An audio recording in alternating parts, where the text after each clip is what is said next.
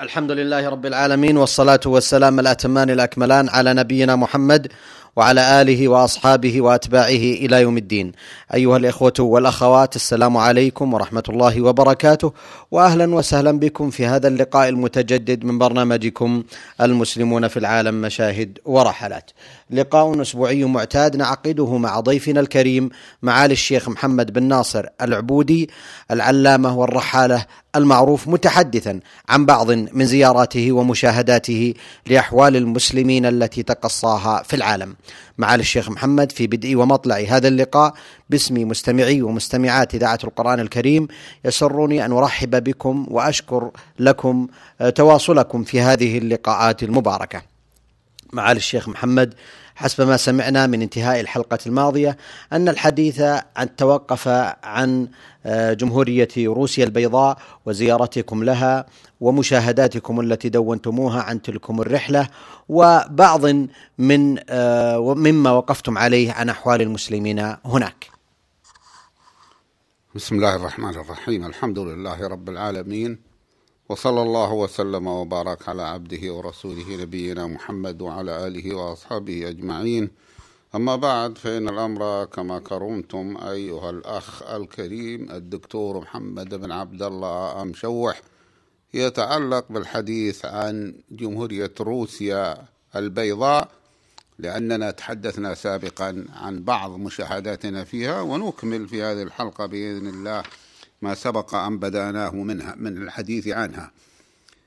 وقف بنا الحديث في الحلقة السابقة عن دخولنا إلى مسجد إيفيا. وهذه مدينة ليست كبيرة موجودة في غرب روسيا البيضاء. وقلنا إننا دخلنا المسجد مسجدها فوجدنا فيه لافتات عربية جميلة. لم أرى مثلها لافتات في لغة أخرى غير العربية.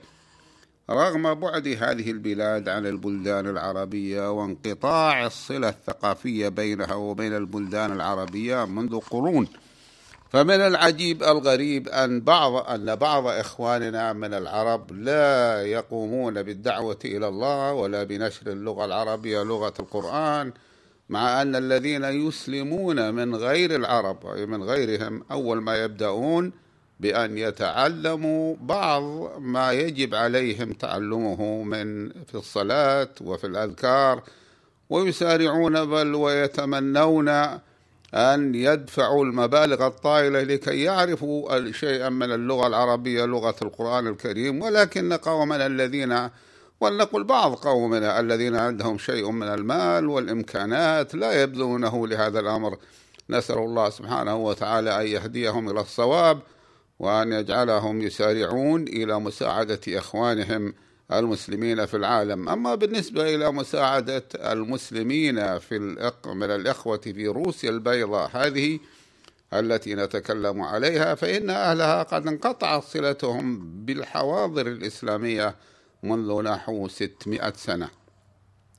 ومع ذلك بقوا أو أبقوا على الهوية الإسلامية أي بقوا على أن يكونوا مسلمين ولكنهم لم يحققوا الإسلام. ليس ذلك بسبب آه، بسببهم هم وإنما بسبب بعض آه، الظروف وبسبب المعيشة في جو غير إسلامي.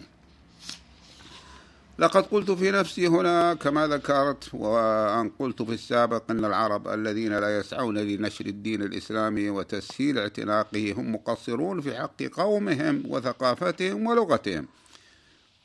لأن من دخل الإسلام هو كما شرحت يتعلم أشياء من العربية لصلاته وعباداته بل يصبح تعلم اللغة العربية له هدفا سواء استطاع ذلك أم لم يستطعه.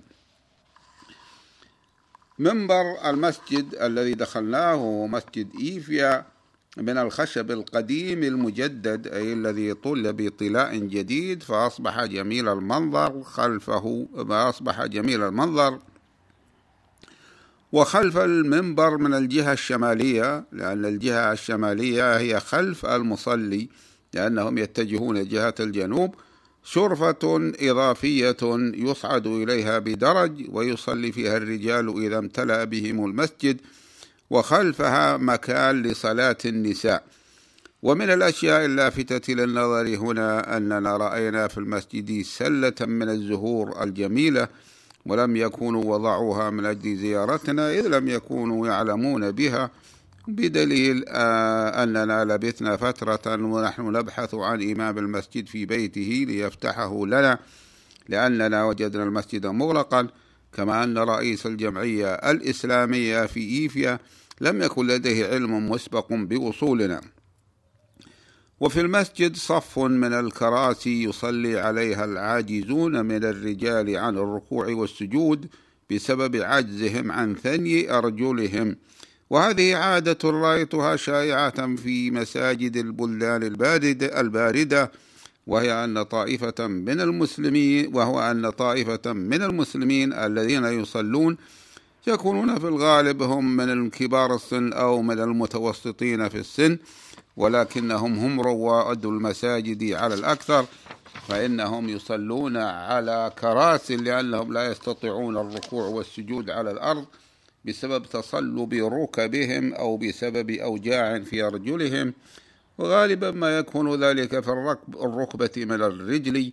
ولا توجد مثل هذه الكراسي في البلدان الحارة التي لاحظت أن وجع الأرجل وبخاصة الركب فيها هو أقل منه في البلدان الباردة بكثير. ليس معنى ذلك أن البلدان الحارة ليس فيها من يعجز عن الركوع أو عن ثني ركبته ولكن ذلك قليل ونادر مثل بقية الأمراض. أما هنا فهو شائع والسبب في ذلك لا شك هو البرد هو البرد ولكن البرد وحده ينشأ عنه أشياء كثيرة منها أن الخضرات والفواكه لا تنمو فتعدم عندهم في الشتاء وفي أكثر الأوقات لا يستوردونها فلذلك يكون طعامهم يكثرون فيه من اللحوم بكثرة لأن الحيوان يجد في بلادهم التي تكون خضراء في الصيف يجد الأعلاف فينمو ويكثر آه، اللحم. ولست طبيبا حتى أدلل وأعلل على ذلك ولكنني أعرف من الثقافة الطبية العامة أن من يواظب على الإكثار من أكل اللحم ولا يأكل الخضرات والسلطات والفواكه فإنه بلا شك آه، جسمه تترسب الأملاح آه، في جسمه فتكون في مفاصله. هذا شيء معروف من الثقافة العامة. وقد رأيت دليلا إضافيا على أن البرد يشتد في الشتاء في هذه المنطقة مع أن ذلك معروف وهو في أبواب نوافذ المسجد فقد جعلوها أبوابا مزدوجة أي يكون للنافذة بابان أحدهما خلف الآخر بغية اتقاء البرد الذي يأتي منها. وهذه موجودة ليس في المساجد فقط وإنما في الفنادق في أوروبا الشرقية. وقد لاحظت أول ما لاحظت ذلك في بولندا هم يجعلون للنافذة بابين أحدهما خارجي على حد الجدار من الخارجي والثاني داخلي. والسبب في ذلك أن لا تتسرب يتسرب الدفء من الناف من الغرفة عبر النافذة ولا يتسرب البرد يجيء إلى الغرفة من النافذة. لذلك يجعلون لها بابين من الزجاج أو غيره مزدوجين لكن لا بد أن يكون أحدهما زجاجا.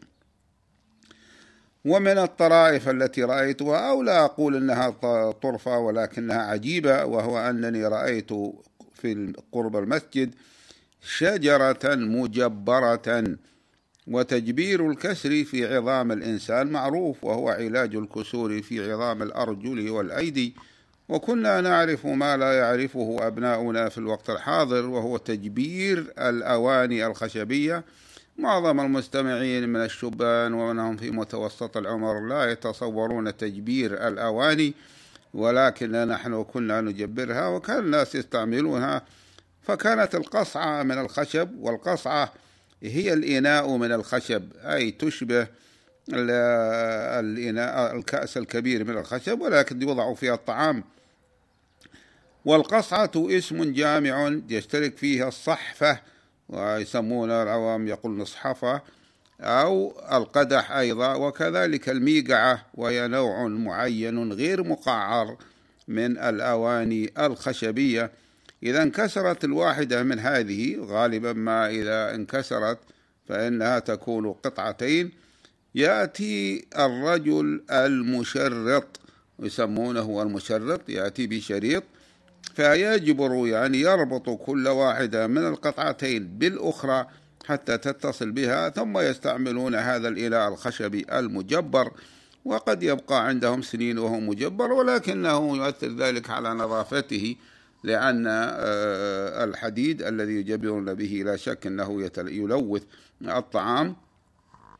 أما تجبير الشجرة فإنه ما لا نعرفه. ربما كان السبب في ذلك أن بلادنا ليس فيها غابات ولكن فيها أشجار نعرفها. وبهذه المناسبة لا أريد أن أنبه إلى أنني كتبت معجما خاصا اسم عنوانه أشجار البرية وأعشابها. وهو معجم لا بأس بحجمه يقع في نحو 550 صفحة. كذلك معجم آخر عنوانه أشجار البساتين ونباتها. وهذا القصد من ذلك إذا أراد شخص أن يعرف مثل هذه الأشياء أن يرجع إليه.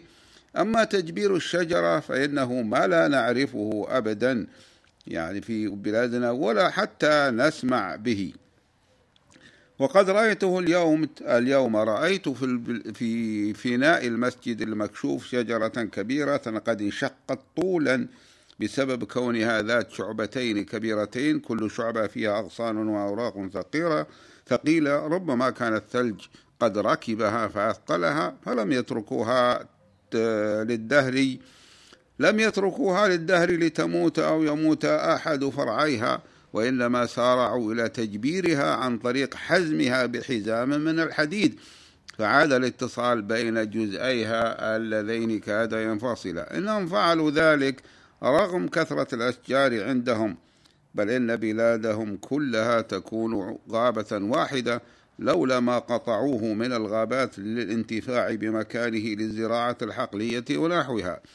ولو كانوا في بلاد متخلفة لتركوا هذه الشجرة وما وشأنها ولما جبروها وإنما غرسوا أخرى بديلة عنها. وذلك عندما نفعل نحن مثل ذلك.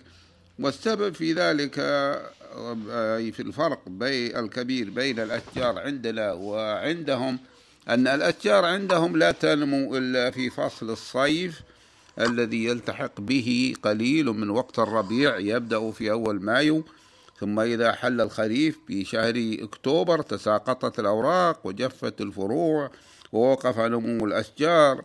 أما في بلادنا فإن نمو الشجر يستمر طول العام وبخاصة في المناطق الحارة مثل منطقة مكة المكرمة وما حولها من تهامة.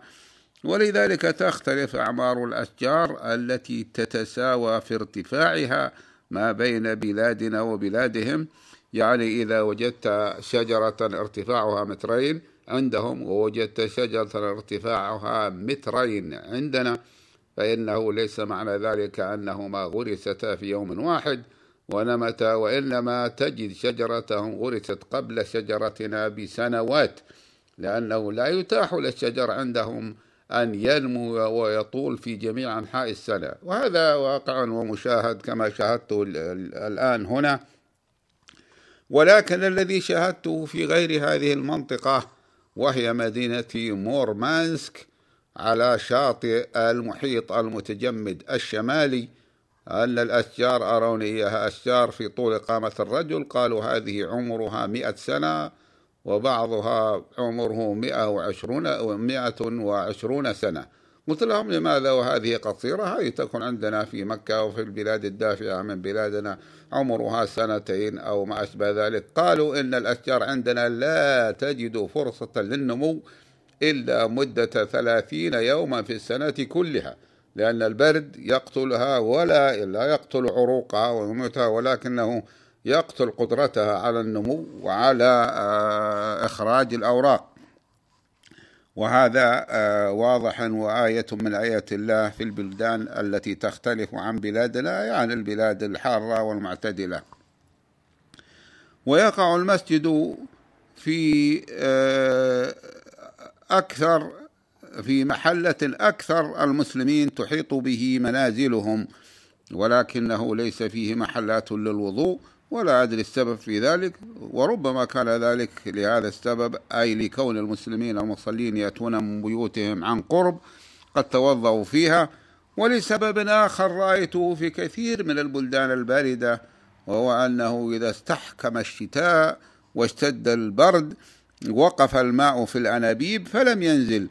فلا يستطيع المتوضي أن يتوضأ إلا إذا كان في بيته عنده ماء ماء مسخن وكذلك يعني سخن الماء فيمكن هذا. الآن الماء يسخن في روسيا بالهواء الحار أو لنقل إنه بالبخار الحار. فنحن في بلداننا والبلدان المعتدلة في جوها نجد أن بين أو أن بالقرب من كل بلدة محطة للكهرباء إضافة إلى محطة أو خزان الماء لكن هم إضافة إلى ذلك. توجد هذا نجد محطة لتوليد البخار الحار. فهم يرسلون هذا البخار الحار في أنابيب ويدخل البيوت كما تدخل الكهرباء عندنا. وقد أردنا أن نتوضأ لنصلي في المسجد الظهر والعصر جمعا. لذلك ذهب المرافقون يبحثون عن بيت يجدون فيه مكانا للوضوء وليس المراد من ذلك مكان البول فذلك غير موجود حتى دخلنا أحد البيوت وتوضأنا من حوض المطبخ أي من المغسلة التي تغسل فيها الصحون. وما رأيت في بلد من العالم أقل احتفاء بمحلات الوضوء ومحلات قضاء الحاجة من الدول الشيوعية. هكذا رأيت الحال في الصين الشيوعية وأوروبا الشرقية والاتحاد السوفيتي سابقه ولاحقه. وقد سألت عن ذلك لأن نرى أن في نهاية القذارة محلات قضاء الحاجة. سألت عن ذلك. قالوا أن الشيوعيين يعلنون أن الناس عندهم سواء وأنه لا أحد أفضل من أحد وما من أحد يريد والرواتب واحدة أن يعتني بهذه الأماكن القذرة. ولكن لو أنهم خرقوا قاعدتهم وزادوا رواتب من يكون في يعمل في هذه الأشياء لا استقام الحال. وقد فعلوا في روسيا بعد السقوطية بعد سقوط الشيوعية فعلوا ذلك. ثم عدنا للمسجد الذي يقع على شارع عرضه ستة أمتار ليس فيه تشجير مع وجود الأشجار في كثير من الشوارع وإن كان محاطا بالخضرة فأهل البيوت كلهم قد غرسوا أشجارا في أسوار بيوتهم وقصوها من أجل ألا ترتفع. وهذا غير أشجار المثمرة مثل أشجار التفاح الأبيض الذي هو موجود في أكثر البيوت إلا البيوت التي ليس فيها أحواش. وهذا أيضا من النقص في شوارع المدن الشيوعية ما عدا الشوارع الرئيسية والحدائق والميادين العامة فالأشجار فيها كثير. ومن الأشياء التي رأيتها عند باب المسجد بط كبير أبيض سائب يعني بمعنى ليس معه أحد فهو كالغنم الراء التي ليس معها راعي وهو يتبختر ببياضه الناصع وحركاته السلحفاتية التي يحيل إلي يخيل إليك أنها حركة تياه وكبرياء ومنظر بنية في حدود التاسعة إذا رأيتها على البعد خيل إليك أنها من بنات الجميلات الباريسيات لأنها بيضاء وشعرها أصفر ولكن أمامها ولكن لباسها لباس ساتر فهي من بنات المسلمين. وصلينا الظهر والعصر جمعا مع جماعة كانوا معنا يجمعون مثلنا مع آخرين صلوا العصر فقط لكونهم كانوا صلوا الظهر في وقتها قبل ذلك. ثم غادرنا المسجد بالسيارات آه، إلى المبنى المركز الإسلامي الذي يعملون على إنشائه في ناحية من البلدة وذلك في الرابعة عصرا وجدنا مبنى المركز قويا بالإسمنت واسعا يعتبر بناؤه سخيا بالنسبة إلى الوضع الاقتصادي الذي عليه البلاد وقد بنوه على هيئة سنام البعير ووضعوا عند قاعدة السنام يعني أقصد أن سقفه على هيئة سنام البعير. ووضعوا عند قاعدة السنام حيث نضع نحن وأمثالنا السقف عادة سقفا مستعارا يفعلون ذلك من أجل أن تنزلق الثلوج والأمطار عن هذا السقف المسنم. فلو كانوا وضعوا السقف مسطحا لا ثقلت عليه الثلوج وهدمته. ذكروا أن أرض المركز هذه هبة من الحكومة أي بدون قدمتها للمسلمين بدون آه، ثمن. وهي أرض تعتبر ريفية لأنها تقع في أرض ريفية مجاورة لمساكن المسلمين والأرض كلها في البلدان الشيوعية ملك للحكومة. حتى أن بعض البلدان الشيوعية التي طلقت الشيوعية لا تزال الحكومة هي التي تملك الأراضي. وفي بعض مثل روسيا في بعض البلدان لا الدولة تبيع الأراضي في السابق في زمن الشيوعية لا تبيع على أحد أرضا. وإنما تتركها بورا أكثر الأحيان وما استطاعت آه، إصلاحه أو تعميره أو زراعته فعلت به ذلك. وقد وجدناهم يعملون في تكملة ما أقاموه من المركز ولم يبنوا أبنية جديدة لأن النفقة وقفت بهم عن البناء حيث أنفقوا كل ما كانوا جمعوه. وقد قدمنا لهم خمسة آلاف دولار معونة من المملكة العربية السعودية للمركز وللمسجد. مع أن المسجد مكتمل ولكنهم ذكروا أنه يحتاج إلى نظام للتدفئة. ونحن عندما أعطيناهم هذا المبلغ الذي نعتبره في بلادنا قليلا خمسة آلاف دولار أمريكا هم اعتبروه كثيرا جدا لأن عملتهم منهارة بعد الشيوعية ودخولهم كانت محدودة بعد الشيوعية مباشرة. ولكننا أيضا لم نقتصر على ذلك وإنما كتبنا تقريرا وقلنا لهم إننا هذا التقرير نحن مسافرون والمسافرون لا يحملون نقودا كثيرة ولكننا إن شاء الله إذا فقتم هذا وجاءنا تقرير من المفتي ومن رئيس الجمعية الإسلامية فإننا سوف بأنهم أنفقوا هذه الخمسة آلاف دولار وأن المركز لا يزال يحتاج إلى نفقة فإننا سوف نرسلهم نرسل لهم مبلغا من المال من بلادنا. وقد سلبناهم النقود عند المركز بحضور رئيس الجمعية الإسلامية وخازنها ورئيس الجمعية المسجد وعدد من أعضائها وطلبنا من مرافقنا أبو بكر الشعبانوف أن يكتب إلينا بعد ذلك بكيفية صرفها. ذكروا أن من أهم ما في المركز قاعات للاجتماعات في المناسبات العامة للمسلمين مثل أيام الإفطار في رمضان ومثل عقد الاحتفال بعقد القران وفصولا دراسية وقد رأيناهم بالفعل قد بنوا ذلك بصفة جيدة. ودعنا الإخوة الكرام من أهل إيفيا وغادرناها إلى آه، مدينة قرودنا في الرابعة والنصف عصرا وهي تبدو كما لو كنا في الثانية ظهرا في بلادنا لأنه قد بقيت على غروب الشمس مدة طويلة. وغادرناها في الرابعة والنصف عصرا من دون أن نتناول وجبة غداء معتادة ما عدا فطيرة التفاح التي كانت أعطانا إياها رئيس الجمعية وقصدنا مدينة إغرودنا وهي مدينة كبيرة شهيرة كبيرة بالنسبة إلى مدن روسيا البيضاء التي هي في أغلبها متوسطة وتبعد قرودنا التي نقصدها الآن 150 كيلو مترا عن آه، إيفيا. ولم نذق أي شراب منشط من قهوة أو شاي ونحن قد اعتدنا على ذلك من قبل إذا لم يدعونا أحد إلى ذلك ولم يقدم لنا شيء منه وذلك منذ أن غادرنا منسك عاصمة روسيا في الصباح المبكر. كانت مغادرتنا إلى قرودنا في الرابعة والنصف يعني عصرا. وقد انطلق الأخ أبو بكر الشعبانوف قائد السيارة بسرعة بسرعة قائلا إننا سننطلق الآن بسرعة لأننا لن نعرج على بلدة أخرى قابل مدينة أقرودنا وما يزال الطريق الذي سلكناه محاطا بغابات كثيفة حولها أو بينها مساحات قطعت أشجارها وحولت إلى حقول للزراعة. وذكر الأخ أبو بكر الشعبانوف أن هذه المنطقة هي مسرح ذكرياته ومرابع صباه لأنه من أهل هذه المنطقة. فسألناه عن الوحوش الموجودة في هذه الغابات فقال لقد قابلت ذئابا وأيايل. الأيايل جمع أيل وهو شبيه ببقر الوحش العربي إلا أنه أكبر منه وأطول قرونا.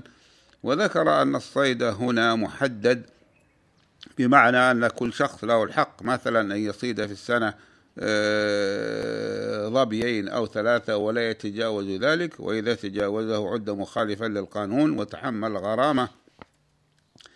وذكر أن الأغلب عليه المنع بقية الصيد حتى الأرانب على كثرتها كثيرة عندهم ممنوع صيدها. وذلك أن الروس يعني غير المسلمين هو يقول أن الروس غير المسلمين يصيدون الخنزير البري مع أنه سابع قذر متوحش يأكل الجيف والحيوانات الصغيرة. مع ذلك يقنونه على قذرته. وقد رأينا في التلفازات كيف أن هذا الخنزير يدف أنفه في القذر ورأسه كذلك في القذرات يبحث عن أشياء في هذا القذر مما يجعل الإنسان حتى الذي حتى غير المسلم يتقزز من منظره إذا رآه. وإن كان بعضهم يكون قد ألف هذا. ذكرت في هذه المناسبة أيام اللي مضت في بولندا حينما زرناها في أواخر شهر أبريل عام 1986 الموافق ل 1406 وكان ذلك إبان انتشار الوباء النووي المنبعث من المفاعل الذري في شهر في شير نوبل قرب مدينة كييف عاصمة دولة أوكرانيا في الوقت الحاضر حيث كان الرفاق معنا آنذاك يتحدثون عن روسيا البيضاء.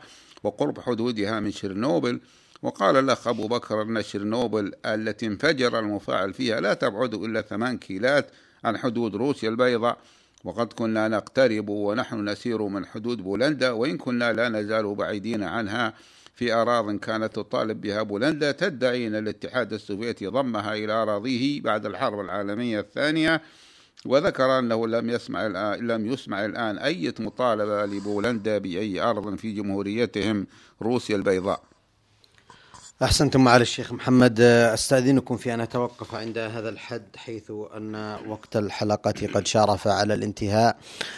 معتذرا منكم أيها الإخوة والأخوات بعد أن قطعت عليكم استمتاعكم بهذا الحديث آه، الدقيق والرائع من معالي الشيخ محمد بن ناصر العبودي والذي تحدث إليكم عن بعض من مشاهداته وزياراته لأحوال المسلمين في العالم.